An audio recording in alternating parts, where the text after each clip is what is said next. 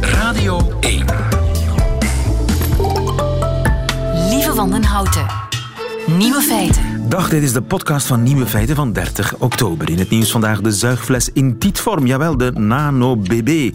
Bedacht door een vader toen die s'nachts een flesje afgekolfde moedermelk stond op te warmen, terwijl de baby hartverscheurend lag te huilen. Door het borstvormige ontwerp is het oppervlak van de Nano BB veel groter dan bij een klassiek cilindervormig papflesje, waardoor de melk twee keer zo snel opwarmt, ook bij Marie. En bovendien kan de baby het borstvormige flesje prima zelf in zijn knuisjes klemmen. Een borstvormige zuigfles. De natuur is de beste designer nog altijd. Dit zijn de nieuwe feiten vandaag. U is een scheldwoord geworden. Twitter overweegt om de like-knop af te schaffen. Smartphones maken kinderen bijziend. En het voortbestaan van de Italiaanse pruttelkoffiepot is bedreigd. Veel plezier. Radio 1. Nieuwe feiten.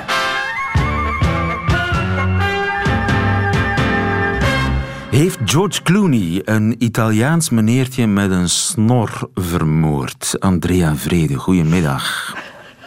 Goedemiddag.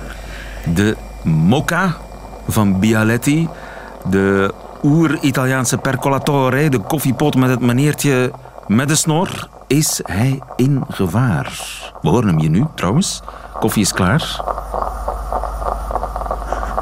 Je bent uh, uit respect aan het wachten tot de koffie helemaal uitgeprutteld is. Dat siert je. Ja, want het is heel belangrijk. Het is heel belangrijk dat je goed blijft kijken. Hè. Uh, je moet ik kijken. er natuurlijk zelf drie. Je hebt er drie? Ja, je moet kijken. Je ik moet ook, kijken. overigens. Ik heb er drie, ja. Misschien wel Verschillende vier. soorten. Heel, Ja. hè. In Paar- alle formaten, hè? Je moet, je moet, je één moet, ja, juist, tuurlijk. De echte, de echte hebben er meerdere in alle formaten, zodanig dat als je familie komt, Ja. je ook nog koffie kunt zetten. Precies.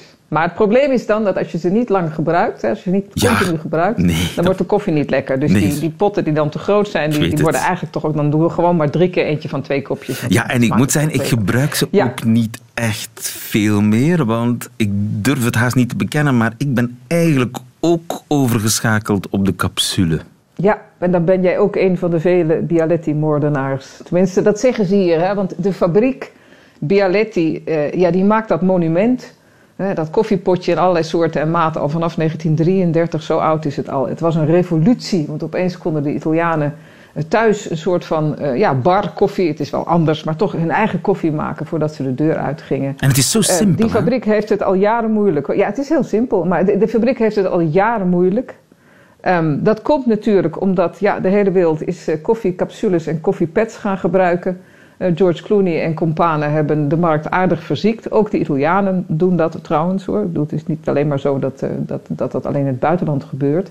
Ehm, daarnaast heeft Bialetti eh, gewoon wat problemen gehad met toelevering. Met, ze hebben schulden opgebouwd. Ze hebben nu iets van 68 miljoen schuld. En ze gaan nu een reorganisatie doorvoeren. En daarom is het opeens in het nieuws. Omdat als dat niet doorgaat, ja, dan is het wel heel erg voor de fabriek. Ik moet wel zeggen dat die koffiepotjes...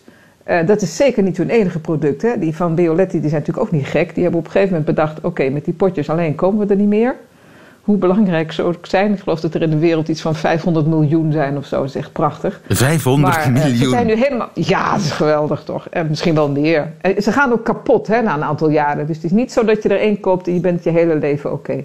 Maar ze hebben nu een nieuwe strategie sinds eh, toch wel een aantal jaren al hoor. En dat is pannen. Geweldige pannen. Pannen, overschalen. Je kunt het zo gek niet verzinnen. Allemaal verschillende, verschillende lijnen, verschillende merken hebben ze daarin. Dat is ook allemaal Bialetti. Ik moet je eerlijk bekennen, ik heb daar ook een pan van. En die is fantastisch. Dus ik zie nog wel leven hoor in die fabriek. Dus het, al jaren gaat het slecht met Bialetti sinds de, ja, de komst van de capsule. Sinds de komst van George Clooney. eh, de grote Italië-liefhebber met zijn villa aan het Como-meer. Die een Italiaans icoon uit het leven dreigt te wippen. Het gaat al jaren slecht, maar gaat het nu heel slecht of zal Bialetti toch nog gered worden?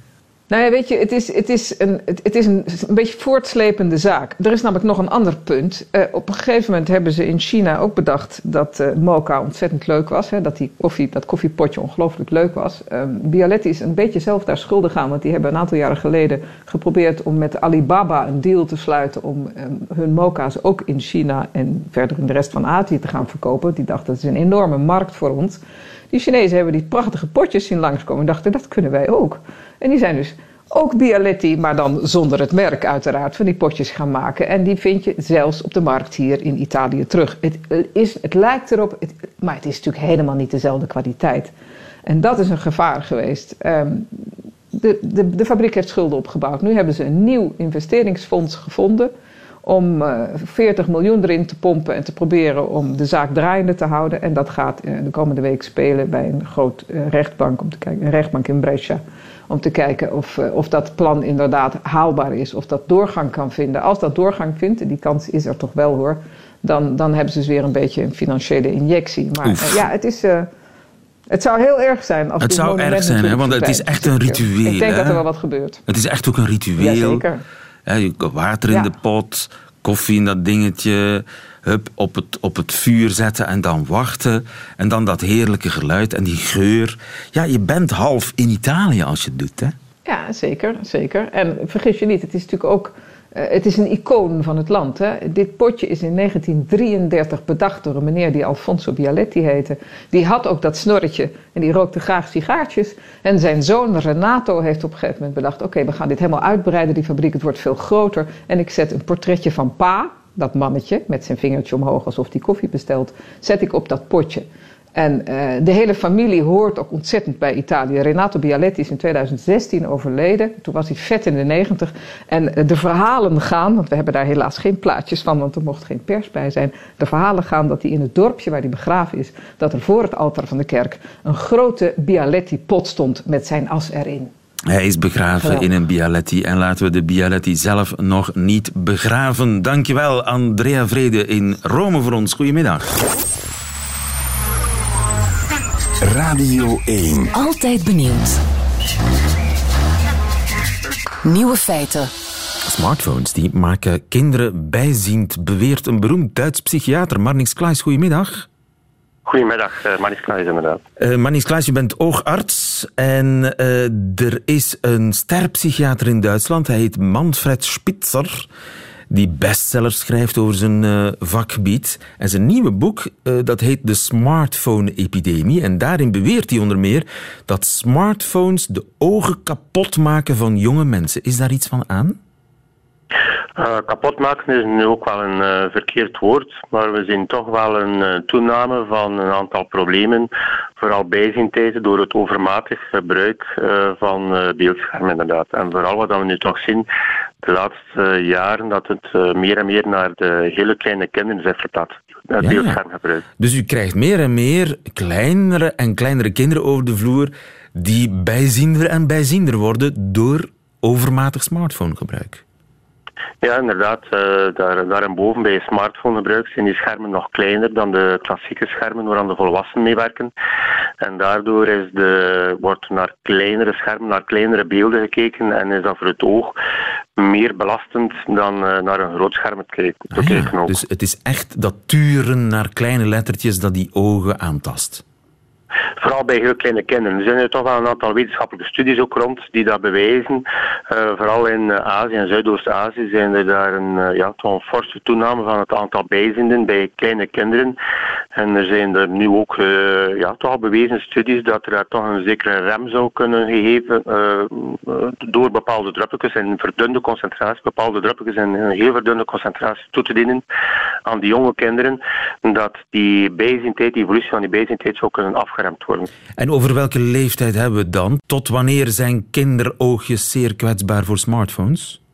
Hoe jonger, hoe drie jaar, vier jaar, zes jaar, dat is de meest. Uh, hoe jonger, hoe kwetsbaarder in feite voor die toename, voor die forse toename van de bezigheid. Want, want volwassenen. Op leeftijd. Ja, die hebben er geen last van. Ja, ja, maar we zien dat toch ook wel in studententijd, dat er uh, heel wat uh, jongeren door de, ja, veel studeren, veel leeswerk ook, dat is dan niet puur computer, maar dat is dan ook veel leeswerk. Dat is een, tienerjaar, is daar een, een, voorbeeld van, twintig jaar. Dan toch heel wat mensen zien die bijziende worden en dan door die stress, die, die belasting die op het oog minder is in de latere professionele leven, dan in de studietijd zien we soms bij een aantal mensen toch wel een terugval, een vermindering van de bijziendheid terug. Ja, ja. Maar dus uh, is het het oog dat op een gegeven moment uh, ja, volwassen is geworden en dan minder kwetsbaar is voor ja, dat turen naar kleine lettertjes. En dat duurt een tijdje voordat oog ja, zich volledig heeft ontwikkeld. Ja, dat is toch wel de theorie dat het vooral inderdaad bij heel kleine kinderen is en bij uh, tienerjaren en de volwassenen dat dat minder wordt. Er zijn natuurlijk wel, uh, ik spreek dan puur en enkel alleen over de bijzientijd, er zijn dan nog wel andere problemen die zich uiten door overmatig uh, computergebruik rond je ogen en ook heel wat oogspieren. En door die overmatig computergebruik worden die oogspieren veel meer gestimuleerd dan, dan vroeger. En daardoor bestaat er ook wel een, een toename van andere problemen, niet alleen maar die spieren die dat werkt niet aan kunnen. Sommige mensen hebben in, in aanleg minder oogspieren, minder sterke oogspieren. En uh, dat vertaalt zich dan in vermoeidheid uh, door computergebruik. Maar en dat, zijn dat oogspieren, zijn dat spieren die uh, in het oog zelf zitten of op het oog zelf inwerken? Uh, dat is eigenlijk waar ik nu over spreek. Dat laatste is vooral de spieren die buiten het oog zich bevinden, die, uh, die moeite hebben om al dat computerwerk, als je naar een punt kijkt, dan gaan die ogen, uh, dan bewegen die ogen iets naar binnen. En dat zijn bepaalde spieren die dat niet aankunnen en dat geeft dan vermoeidheid bij langdurig computergebruik. En word je daar dan scheel van, of zo? In extreme gevallen zou dat kunnen, maar dat is nu wel zelden. Maar het geeft vooral een, een spanning, een vermoeidheid, uh, geen aangenaam computergebruik. En dan is het eigenlijk wel goed bij langdurig computergebruik dat na een uur of twee uur bijvoorbeeld toch wat twee of vijf minuutjes even een pauze genomen wordt. Van niet continu naar dat scherm te kijken, maar toch af en toe keer in de, in de verte te kunnen kijken ook. Ja, ja. En naarmate het schermpje kleiner wordt, uh, worden de problemen groter of zijn de gevaren groter en naarmate het oog jonger is of de mens die kijkt jonger is, worden de problemen groter. Maar ja, eh, eh, eh, is er eigenlijk een soort van limiet? Als je zegt van hoeveel uren per dag, kun je zeggen van kijk, tot zes jaar zeker geen smartphone geven of tot twaalf jaar of zo? Daar kun je eigenlijk geen, leeftijd op plakken. Het is ook niet dat je er echt een verbod kunt opzetten, want er zijn heel, heel wat uh, jonge kleine kinderen die overmatig naar die kleine schermpjes zitten kijken en die totaal geen evolutie naar een bijzientijd ontwikkelen. Dus is daar niet echt een, een, een, duidelijk advies rond op dit moment naar een leeftijd toe. De eerste bewezen wetenschappelijke studies zijn ook nog maar recent gepubliceerd. Ja, het is nog maar uh, recent dat we ons daar echt van bewust worden, maar we kunnen ervan uitgaan dat de limiet, waar die ook ligt, vandaag wordt overschreden. Wel, dat is inderdaad, uh, meer en meer zien we daar bij die hele kleine kindjes in de kleuterleeftijd toch uh, naar al die schermen grijpen. En dat is toch wel beter te voorkomen op een overdreven manier. Is niet van te zeggen van dat je kunt gaan een advies geven van beeldschermgebruik op die bij die kleine kinderen te gaan verbieden.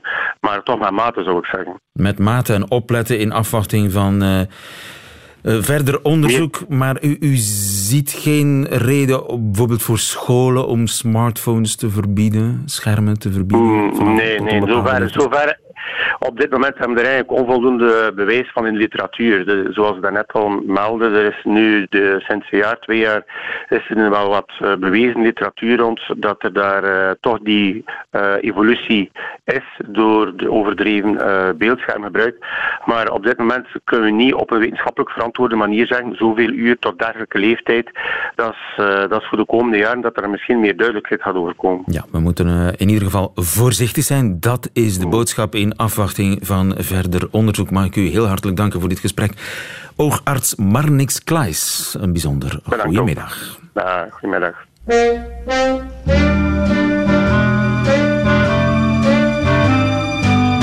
Radio. Radio 1. Nieuwe feiten.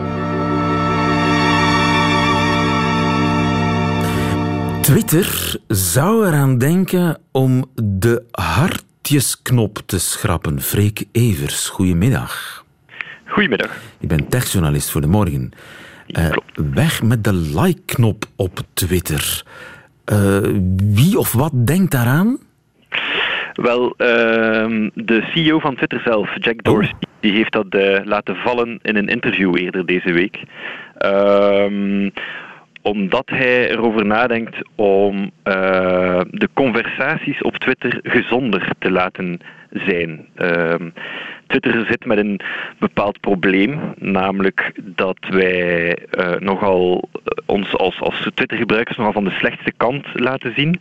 En Twitter is aan het zoeken hoe het er kan voor zorgen om hoe zeg je het, um, meaningful interactions te hebben, betekenisvolle interacties in plaats van elkaar uit te schelden. Ja, ja, het is eigenlijk bedoeld oorspronkelijk als speeltuin voor vrije meningen, maar het is een reservaat geworden vol haat, extremisme, gewelddadige video's, trollenlegers, desinformatie. En vooral gescheld, hè, eindeloos gescheld. En is dat de schuld van de like-knop?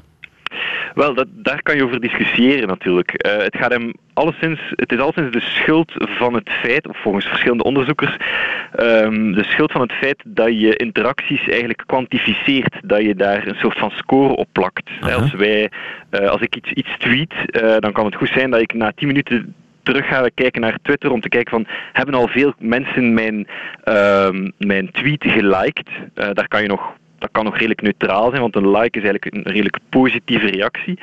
Maar het feit dat je, dat je heel uh, alles meet, van retweets tot likes tot, tot uh, interacties, zorgt ervoor dat je heel anders met elkaar gaat uh, interageren. Het onderzoek blijkt dan dat vooral negatieve reacties uh, over, overwinnen in die, in die uh, conversaties tussen mensen. Dus ja. daar zit wel een probleem. Dus als je een hele vriendelijke, evenwichtige, genuanceerde tweet lanceert, ja, dan krijg je na uh, een half uur wachten misschien één, twee likes. Als je een hele kwaaie, extreme tweet de wereld instuurt, ja, dan krijg je meer likes. Dus voilà. het systeem stimuleert eigenlijk de trollen, beloont de trollen. Voilà, dat is, dat inderdaad wat, uh, wat heel veel onderzoek, waar heel veel onderzoek naar wijst. En wat het dan helemaal een beetje uh, cynisch maakt, is dat uh, Twitter die cijfers ook gebruikt om dan te gaan bewijzen aan aandeelhouders dat Twitter veel gebruikt wordt. Hè. Uh, om de zoveel maanden moeten zij een soort van investeerderscall doen om te kijken hoe het met het netwerk gaat. En dan naar wat wordt er gekeken. Er moet een soort van cijfer geplakt worden op hoe gaat het met Twitter. En dan is engagement, zoals dat zo mooi klinkt, namelijk hoe interageren mensen met uh, berichten op Twitter, een belangrijk cijfer. En zoals je net zegt, dat zijn dan vooral reacties, redelijk negatieve reacties. Dus het is een heel cynische uh, situatie. Waar ja. ja, dus eigenlijk het, het verdienmodel is precies die like-knop en dat, dat gescheld en dat getrol. Voilà, voilà. Vandaar ook dat er heel veel kritiek is vanuit de, vanuit de Twitter-community uh, zelf. Het, het, enige positieve, bij wijze van spreken, wat je nog kon doen, was een, uh, was een like geven aan een, aan, een, um, aan een tweet. En voor de rest kwam je vooral door als je, als je ging gaan discussiëren. En Jack Dorsey denkt nu dat die like-knop uh, de ideale manier is om de negativiteit op zijn netwerk te doen verdwijnen. Ja, dat zou wel kunnen, maar het hele netwerk zou misschien kunnen verdwijnen. Goh, dat is uh, maar de vraag. Op zich uh, heeft Twitter ook onlangs zijn uh, laatste resultaten bekendgemaakt. En daaruit blijkt inderdaad dat ehm, de groei van het aantal gebruikers ehm, wat afneemt. Maar dan de, de cijfers waar aandeelhouders naar kijken, die zijn dan wel weer goed. Qua omzet is er een stijging. Er is ook terug winst opeens bij Twitter. Ja. Omdat ze veel meer gaan inzetten op een klein en actief publiek dat Twitter heel, heel um, actief gebruikt. Ze proberen niet zoals Facebook um, iedereen op het netwerk te krijgen. Ze proberen vooral mensen die het nu al veel gebruiken um, nog meer te stimuleren om het nog te gebruiken. Meer te stimuleren om het te gebruiken. Maar ja, als ze de like, als, als ze de like-knop gaan afschaffen, ja, dan, dan leggen ze de boel eigenlijk stil. Dan, dan halen ze de, dan halen ze het geldmachientje weg. Zullen ze, zullen ze dat doen? Zullen ze dat doen, denk je? Ik het is, is, moeilijk in te schatten natuurlijk. Wat wel opvallend op, opviel was dat uh, na de uitspraak van Dorsey dat de, de, de, de PR-afdeling van Twitter er als de kippen bij was om uh, te vertellen van nee, nee, nee, nee, nee, het is iets uh, waar we mee spelen. We willen vooral nadenken. We hebben ook onderzoekers eh, aangesproken om na te denken hoe kunnen we betekenisvolle interacties op ons netwerk ehm, stimuleren. En misschien is de like-knop wel een manier door die weg te halen om dat te doen. Maar het is zeker nog geen termijn en er is zeker nog geen beslissing gevallen. Ja, dus je eigenlijk... dat er. Uh, ja, dat ze daarmee worstelen, maar ze hebben de ja. oplossing niet. Zoals, is er eigenlijk iemand die wel een oplossing heeft om Twitter properder te maken? Wel, dat is, dat is, een, goede, dat is een goede vraag. Hè. Dat heeft uh, Jack Dorsey een, een maand of uh, vijf geleden zelf toegegeven voor het eerst. Van ja, de, de, Uh, ons, ons netwerk is, is nogal uh, verzuurd. Uh, ik ga dat proberen oplossen. Hij heeft heel wat wetenschappers ingeschakeld die proberen te checken um, hoe kun je bijvoorbeeld gaan, gaan meten of een interactie verzuurt of net betekenisvol is. Nu dan, je, je voelt al, een like-knop is heel gemakkelijk. Het, het, gaan meten hoe een bepaalde interactie zit, ja, dat, is, dat, is, uh, dat hangt dan nog af van welk standpunt je, uh, vanuit welk standpunt je het bekijkt. Dus, dus het is bijna een onmogelijke opdracht. Ja, je kunt je account ook cijferblind maken, dacht ik. Ja, dat klopt. Dat, klopt. Dat, is, een, dat is een Amerikaanse onderzoeker, Ben Grosser. Um, die ziet al een tijdje, zowel op Facebook als op Instagram, um, die cijfers als echt het, het, het, het ja, het, grootste kwaad op die sociale netwerken. Maar hoe werkt dat dan, je accountcijfer blind maken? Dan zie je niets meer. Dan zie je niet meer hoeveel volgers je hebt, hoeveel likes je tweets hebben, hoeveel keer ze retweet worden. Dan, zie je, dan moet je inderdaad je, je tijdlijn voorstellen alsof zonder er één cijfer op staat. Dan, dan worden ook die, uh, je, je, je tweets, ze blijven gerangschikt zoals je ze, ze ziet, maar je ziet niet meer hoeveel mensen die geretweet hebben, hoeveel mensen erop gereageerd hebben. Heb je dat al eens geprobeerd? Ja, ja, ik heb het een tijdje getest. En uh, hoe voelt dat?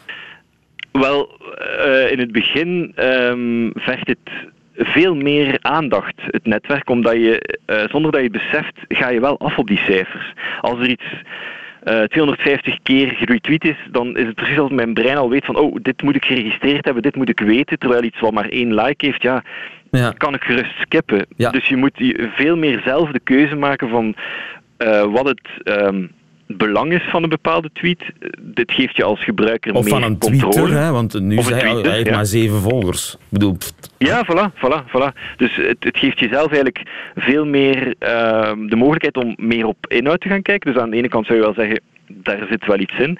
Aan de andere kant uh, wordt mijn Twitter-tijdlijn ook gerangschikt op die, uh, die metrics. Die cijfers, ja. Dus zo, simpel, zo uh, simpel is het eigenlijk niet om de cijfers af te schaffen. Dan, dan nee, nee, nee. Twitter ook wel iets heel uh, logs. Het, het, de oplossing is nog niet gevonden. Kijk, ook dat kunnen we vaststellen. Dankjewel, Freek. Voilà. Freek Evers, goedemiddag. Nieuwe feiten. Quizvraagje. Wat betekent yes? Nee, sorry. Yes is niet hetzelfde als ja. Dat staat zo in het nieuwe boek van mijn favoriete taalprof Mark van Oostendorp. Goedemiddag, Mark. Goedemiddag. En gefeliciteerd eh, met je nieuwe boek. U als scheldwoord en andere taalverschijnselen. Uh, Dankjewel. Overigens, is u een scheldwoord? Sinds wanneer? Ja, u is misschien wel zelfs meteen een van mijn favoriete woorden, omdat het zo ingewikkeld is. Inderdaad, je zou zeggen, u is toch juist heel beleefd. Uh, dat is een van de regels die daarover wordt gegeven, een van de officiële regels. Maar als je alleen maar probeert te leven met die officiële regels, dan, dan, ja, dan raak je toch in de knoop. Is u uh, dat... niet langer de u van vroeger? Ja, het is nog ingewikkelder. U is ook nog steeds de u van vroeger, maar niet voor iedereen. Uh, dat is wat het zo ingewikkeld maakt. Volgens en wat is dan de nieuwe u? Ja, ik, ik was een keer aan het discussiëren op, uh, op uh, Twitter. Daar komt die titel ook vandaan. Uh, nou ja, een discussie op Twitter, dan, dat is eigenlijk per definitie een eufemisme. Dus dat dreigde uit de hand te lopen. En ik dacht, laat ik inderdaad een beetje afstand bewaren door niet langer je en jij te zeggen, maar door u te zeggen tegen die persoon. Maar daardoor werd die persoon juist beledigd. Het viel verkeerd. zich beledigd. Ja, die, je hoeft niet zo arrogant te doen, omdat uh, ik denk achteraf, omdat u beleefd is, maar daardoor ook afstand creëert. En, uh, en die afstand kunnen mensen dan weer voelen als beledigend. Oké, okay. en is die afstand in Vlaanderen kleiner dan in Nederland? Is u ja, respectvoller, afstandelijker in Nederland dan in Vlaanderen? Nee, het is inderdaad, het u en jij is ook nog eens een keer een soort bron van heel subtiele uh, intercultureel misverstand. Uh, omdat, um, ja, voor ons is u van oorsprong in ieder geval echt de, de beleefde vorm en je en jij zijn de, uh, de, de informele vormen. Maar omdat je en jij in Vlaanderen in de meeste dialecten niet zo zitten, gelden ze voor veel Vlamingen eigenlijk ook weer als, nou ja, als een beetje Nederlands en daardoor ook weer als vreemd. Dus dat maakt, het, dat maakt het allemaal. Dus Vlamingen zeggen makkelijker u, omdat ze in het dialect ook zeggen dat is van u. Gij en u. Omdat wij zeggen gij en uh, van gij bestaat niet. Dat is, is dat, is dat van u. Dus die u ligt uh, wat makkelijker in de mond bij Vlamingen. Wat zegt Martien Tange eigenlijk? Dank dat u bij ons was. Ik wens u nog een mooie avond. Martien Tange, de iconische journaal-ankeres, als dat al een woord is. Uh, die zegt u, de, de Nederlandse nieuwslezer zegt ook u, hè, geloof ik. Ja, ja, ja. Nee. Dus de formele, officiële regels zijn hetzelfde in de twee landen. Alleen ik zou zelfs zeggen dat in Nederland de radio en televisie meer u zeggen dan, de, dan in Vlaanderen. Want bijvoorbeeld mijn verkeersinformatie, dat, dat staat geschreven in de je-vorm. Maar ik ben een u-mannetje. De luisteraar is voor mij een u, dus ik verander dat in u stelselmatig. Maar eigenlijk is de standaard je. Dit is toch geweldig dat je. Dus je hebt dan. Er zijn dan officiële regels die heel simpel zijn. Maar op de, en, en het zijn ook maar twee verschillende vormen. U en jij. Nou ja, je hebt dan misschien ook nog gij en een paar andere dialectvormen erbij. Maar je hebt in essentie alleen maar u en jij. Een heel simpele regel. En tegelijkertijd weten we ons het leven daarmee verschrikkelijk moeilijk te maken. Dus het komt, overkomt mij in ieder geval heel regelmatig dat ik iemand tegenkom die ik nog niet kende. En dat je dan toch een beetje moet aftasten of het nu u of jij moet zijn. En dat dat dan ook af en toe verkeerd gaat. Dus dat dan die persoon denkt, ja, dit is toch wel iets te makkelijk jij gezegd. Of dit is inderdaad toch wel iets te arrogant en afstandelijk, afstandelijk. Uh, gezegd. En zeker omdat die betekenissen kennelijk in de tijd eh, verschuiven en in de ruimte verschuiven. Dus die betekenis boven de Moerdijk is anders dan beneden de Moerdijk.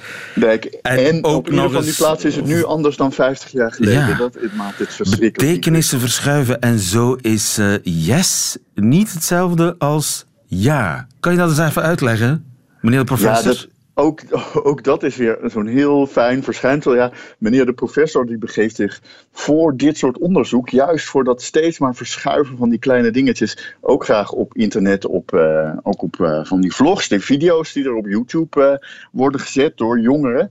En nou, dan, je kunt heel simpel zeggen, ah, die jongeren gebruiken steeds meer buitenlandse woorden. Bijvoorbeeld yes. Alleen, uh, het grappige is dat yes vervangt ja niet. In ieder geval niet in alle functies. Het, we hebben nu ja en yes en die hebben ieder een, een, een, een, eigen betekenis. Maar geef eens een voorbeeld van, van yes. Wanneer gebruik je dan yes? Ik heb die dus- baan. Yes. Precies. Dus het is een, het is een uitdrukking van, van vreugde. Het is, en het is daar, daar zelfs een beetje vreemd om ja te zeggen. Dus ik heb een baan. Ja. Ja, ja nee, dat kan niet. Het is een soort overwinningskreet. Precies. We hebben gewonnen. Yes. Ik ben, ik ben, ja, of, of we hebben gewonnen of ik ben blij voor jou. Dat kan het ook betekenen. Dus als iemand zegt, ik heb een baan, dan kun je ook zeggen yes. Dus het, is, het, het drukt vreugde uit. Het, uh, iets wat ik altijd al had gehoopt. En, is daar een Nederlands woord voor? Zouden we dat eigenlijk kunnen vervangen door een perfect Nederlands woord? Hoera! Nou, bijvoorbeeld? Hoera! Ja, zoiets zou je kunnen zeggen. En je kunt natuurlijk altijd een zinnetje gebruiken. Dus ik ben blij voor jou. Ja, uh, Maar is dat de reden waarom er zoveel Engels in ons Nederlands sluipt? Omdat het Engels ja, in, in één lettergreep iets kan waar wij in het Nederlands meerdere lettergrepen voor nodig hebben? Maar dat is natuurlijk niet zo, want in het Engels betekent yes uh, voor zover het dat, die, die uiting van vreugde betekent, ook allerlei andere, andere dingen. En in het Nederlands krijgt het een soort gespecialiseerde betekenis. Ja, het is, het is volgens mij zo, dat geldt dus voor dat u als scheldwoord, het geldt ook voor dit onderwerp. Eigenlijk, wij mensen, wij willen, we hebben zulke, zoveel zulke subtiele gedachten en gevoelens dat de bestaande woordenschat nooit voldoet. En dus altijd grijpen we weer naar andere bronnen. En het Engels is er daar, uh, daar één van. Oh my god. Oh my god, dat is ook een Oh voorbeeld. my dus ik, god. Ik, ik, ik, keek dus een tijdje naar uh, uh, vlogs dat, van die, dus van die video's, zo'n soort dagelijks dagboek in videovorm. Uh, in Nederland is daar één heel populaire uh, jongen in. En zo knol. Het is een onbegrijpelijk genre, hè? dat moet ik eerst zeggen voor mensen die ouder zijn dan 16. Want het is zo saai als je er naar kijkt. Je ziet eigenlijk niks. En dus in dit geval, dit zijn dan gaming vlogs. Dus dan is zo'n jongen is een computerspel aan het doen. Dat is wat je ziet. Dus je ziet het scherm met dat computerspel. En in een hoekje zie je die jongen dat spel spelen. En hij zegt, oh my god. Dat duurt een half uur en hij zegt of oh my god, heel vaak. Of hij zegt, oh mijn god, ook heel vaak. Ah. En hij haalt die dingen niet door elkaar. Dus hij zegt niet oh my god of zoiets. Het is echt of hij zegt het in het Nederlands of in het Engels. Maar hij doet dat op verschillende momenten. Hij dus zegt, het betekent iets helemaal anders. Oh mijn god, betekent helemaal oh mijn god betekent, oh mijn god betekent, het, nu wordt het spannend, de vijand komt eraan, we moeten vluchten, we moeten vluchten, zoiets. Ja, de, oh mijn god is veel erger dan oh my god. Oh my god betekent, ik kom nu een nieuwe ruimte binnen en wat is het hier mooi. Het oh my god, wat is het hier drukt, mooi. Ja. Dat je onder de indruk bent, dat drukt het uit. Ja, en, en, en iedere keer weer denk ik dan, uh, wat zou je in het echte Nederlands zeggen in de plaats van oh my god? Nou, dus zowel dat yes als dat oh my god, die hebben iets met elkaar gemeend. Het lijkt erop dat wij uh, Nederlandstaligen, dat Engels, wij, wij, spreken natuurlijk steeds meer Engels en misschien ook wel steeds beter Engels, maar we, we zetten dat Engels in voor een soort theatraal effect. Hè? Zowel dat yes als dat oh my god, die hebben een soort extra theatrale betekenis. Het zegt eigenlijk, ik ben uh, niet van de straat, ik, uh, ik ben een wereldburger. Ja, maar het, drukt ook niet het diepste gevoel uit. Want het diepste gevoel van spanning is: oh mijn god. Uh, en dus yes is uh, laten zien hoe mooi je het vindt. Oh my god is laten zien hoe onder de indruk uh, je bent. Dus het heeft ook een soort het laag van het theatrale van het showing off als het ware. Ja, ja, ja. En da dus daarom wordt het moeilijk om daar een Nederlandse uitdrukking voor te vinden, want die zal nooit dat die laag Diezelfde dat subtiele betekenislaag hebben. Dus moeten we dat dan eigenlijk bevechten, dat Engels in het Nederlands, of moeten we dat omarmen? Um, ja, ik denk eigenlijk dat. Dus je kunt je die vraag stellen, maar uh, dus, volgens mij kunnen we er sowieso niks aan doen. Dus het maakt, het maakt niet uit of. Dat zijn die taalprofessoren van tegenwoordig, hè? Die, die, die hebben hun strijdlust verloren. Die stellen alleen maar vast. Ja, maar dus dat, dat zou je kunnen zeggen. Maar dan op zijn minst moet je dan zien dat de taalprofessoren van vroeger, die die strijdlust nooit verloren, desalniettemin de strijd wel verloren. Er, is, er is niets aan te doen. Prachtig boek. U als scheldwoord en andere taalverschijnselen. Het ligt in de betere winkel. Mark van Oostendorp, dankjewel. Goedemiddag. Goedemiddag. Nieuwe feiten. Middagjournaal. Dinsdag 30 oktober. Ik kan de dag van vandaag zeggen dat ik een gender ben. En daar ben ik trots op. Ik weet wel waarom de natuur denkt dat een man groter moet zijn dan een vrouw. Het zit hem in hoe het eruit ziet als ze naar elkaar kijken. Niets zo mooi als een vrouw die verlangend omhoog kijkt. In het beste geval recht in de ogen van de man. Niets zo onaantrekkelijk als een man die verlangend omhoog kijkt. Hij komt namelijk pas echt tot zijn recht als hij bij naar beneden kijken spontaan een dubbele kin vormt. Een man met dubbele kin straalt vertrouwen, gezelligheid en luxe uit. Exact wat een vrouw nodig heeft. Pas op, het is als vrijgezel ook niet altijd even gemakkelijk. Ik poets elke avond mijn tanden, want ik weet ook nooit wanneer ik seks ga hebben met mezelf. Ik denk dat de meeste mensen trouwen omdat je dan het recht hebt om een brandkast te huren. Dat is namelijk blijkbaar een van de huwelijksrechten. Ik snap dat wel. Ik heb ook wel eens de drang een brandkast te huren. Maar ik ben ongehuwd, dus ik kan geen kanten uit. Het wordt nu wel heel erg persoonlijk. En ik praat niet zo graag over mezelf. Maar als ik iets zou moeten zeggen, dan wel het volgende. Toen ik jong was, had ik nooit durven denken dat ik er op mijn bijna 35 nog zo goed zou uitzien voor mijn leeftijd. Ik dacht als 16-jarige dat ik tegen dan een kort, maar vooral pittig, acajou-kleurig kapsel zou hebben. En bijzonder veel tekenen van ouderdom. En verveling. Dus het valt allemaal nog wel mee. Tot morgen. Dan ga ik het oeuvre van Coco Junior ten tijde van Kit Coco psychoanalytisch benaderen.